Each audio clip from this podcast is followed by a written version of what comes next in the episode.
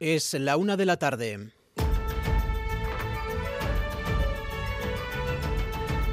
Crónica de Euskadi con Imanol Manterola.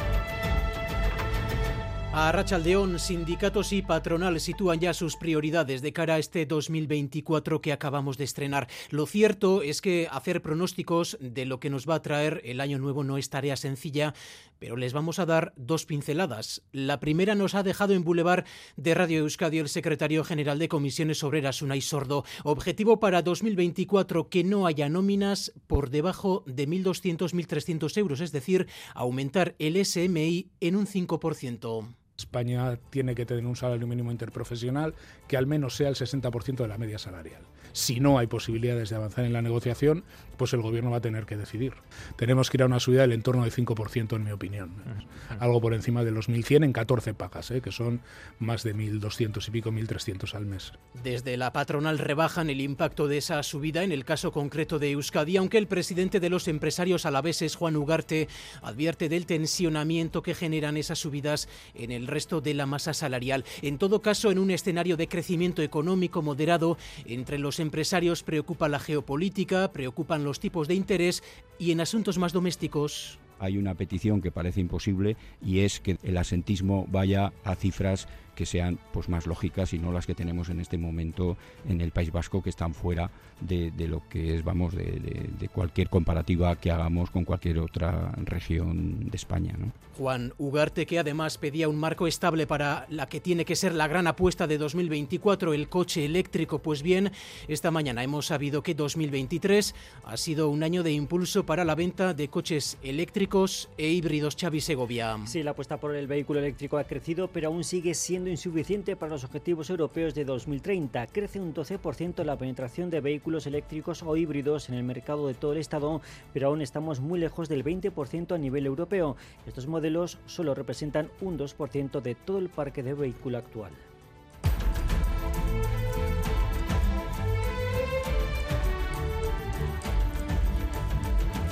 Una bronquiolitis a la baja, las variantes del COVID que están teniendo menos impacto, pero una gripe que sigue subiendo. Este es el mapa que tenemos en este momento a la espera de conocer mañana los datos oficiales de Osakideza. Si no estamos en máximos de gripe, estamos a punto de llegar. Enrique Peiro es responsable de programas de, salud pública de Osakideza.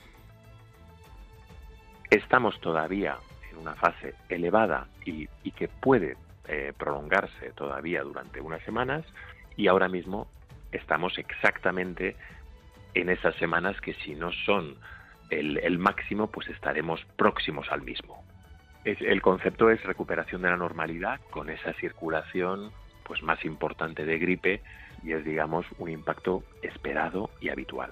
Y en Rentería se sigue investigando qué elemento provocó las llamas en el edificio esta pasada noche vieja en un bloque de viviendas, pero esto vuelve a cuestionar el uso de material pirotécnico, su regulación, sus sanciones y la responsabilidad de los ciudadanos. A ello apunta este sector. Existe regulación, falta la otra parte, es decir, leerse bien las instrucciones, pero sobre todo un poco de sentido común. Aitor Valdecantos, de la pirotecnia Valdecea de Álava. Luego nos damos cuenta que bueno que es que, ya ha liado, que ya ha quemado un edificio, que ya ha quemado los tendederos, que pues se tiene que regular un poquito más por parte de, no, de las personas, no de las administraciones. Y la actualidad internacional ha mirado en las últimas horas al aeropuerto de Tokio. Allí se ha producido la imagen del día. Un incendio en un avión de pasajeros ha acaparado la atención por lo espectacular de las imágenes. Hay cinco desaparecidos, Oscar Pérez. El fuego se ha iniciado cuando tomaba tierra un Airbus A350 con 367 pasajeros y 12 tripulantes a bordo con un avión militar que se encontraba en la pista. Todos los pasajeros del Airbus han sido evacuados sin que sufrieran daños, pero se desconoce la situación de cinco de los ocupantes del la aeronave militar. El avión de pasajeros pertenece a la compañía Japan Airlines y en él se ha iniciado un espectacular incendio que aún no ha sido extinguido y que ha convertido en chatarra toda la estructura. El aparato militar, al parecer, pertenecía a la Guardia Costera japonesa. Y la EGO, la joven orquesta de Euskal Herria, celebra estos días sus eh, conciertos especiales de Navidad. Esta tarde actuará en el Victoria Eugenia de Donostia, mañana lo hará en el Principal de Gasteiz y pasado en el Euskalduna de Bilbao. Los músicos, dirigidos por Unai Urrecho, tocarán obras de los compositores Brahms y Rossini y en Pamplona la joven orquesta de la ciudad dirigida por Mirari Echeverría acaba de presentar concierto navideño que por cuarto año consecutivo ofrecerán este jueves en Baluarte. Más de 100 músicos y cantantes se subirán al escenario. Sayua Cuenca es la gerente de la orquesta. La primera parte mezclamos la suite de jazz que contiene también instrumentos que no suelen estar en la orquesta, como son pues, los saxofones, la batería, la guitarra. Luego una obra que tiene ese carácter más celta con un instrumento que no se suele escuchar como solista, que es el bombardino.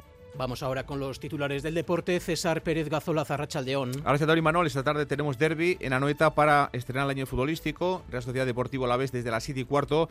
Dos equipos que acabaron 2023 eh, con la pólvora mojada en ataque y que buscan puntos y empezar el año con buen pie. En el equipo de Imanol vuelven Barrene y Sacarian.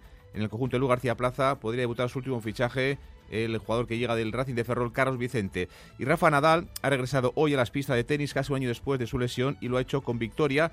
El tenista balear, que llevaba sin jugar desde el Open de Australia en enero de 2023, ha ganado en eh, Brisbane a Dominic Bien. Además, ha dejado muy buenas sensaciones el tenista de Manacor. Y en cuanto al tiempo, viento sur y ambiente templado para las próximas horas. Al final de la tarde puede llover en algunos puntos, aunque será de manera débil. Tenemos 17 grados en Bilbao, Donostia y Bayona, 11 grados en Gasteiz y 8 en Iruña, pero si han cogido el coche o han paseado por zonas expuestas lo habrán notado, el viento pega hoy con fuerza y es que estamos en aviso amarillo hasta las 6 de esta tarde. Las rachas de viento han superado los 100 kilómetros por hora en varios puntos, algo que se ha notado también en los aeropuertos Mayalen Galparsoro puerto de Bilbao, cuatro vuelos han tenido que ser desviados en las últimas horas. El de Barcelona ha sido enviado de vuelta. Los que venían de Roma, Madrid y Málaga han sido desviados a Zaragoza y Madrid. Dos aviones que venían desde Múnich y París sí que han podido aterrizar finalmente. Además, en Sestao, los bomberos han desalojado la empresa Obramat y varios locales de la zona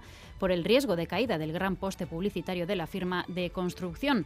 Las rachas de viento, como, como decimos, han superado los 100 kilómetros por hora en zonas como La Arboleda, en Trapagarán, con 126 kilómetros hora, 124 en Carranza y 117 kilómetros por hora en Bermeo. Aviso amarillo por fuertes rachas de viento hasta las 6 de esta tarde. Precaución sobre todo en la carretera y en las zonas expuestas. Así arrancamos esta crónica de Euskadi y en la realización técnica Raúl González y José Ignacio Revuelta, María Cereceda en la coordinación. Crónica de Euskadi con Imanol Manterola.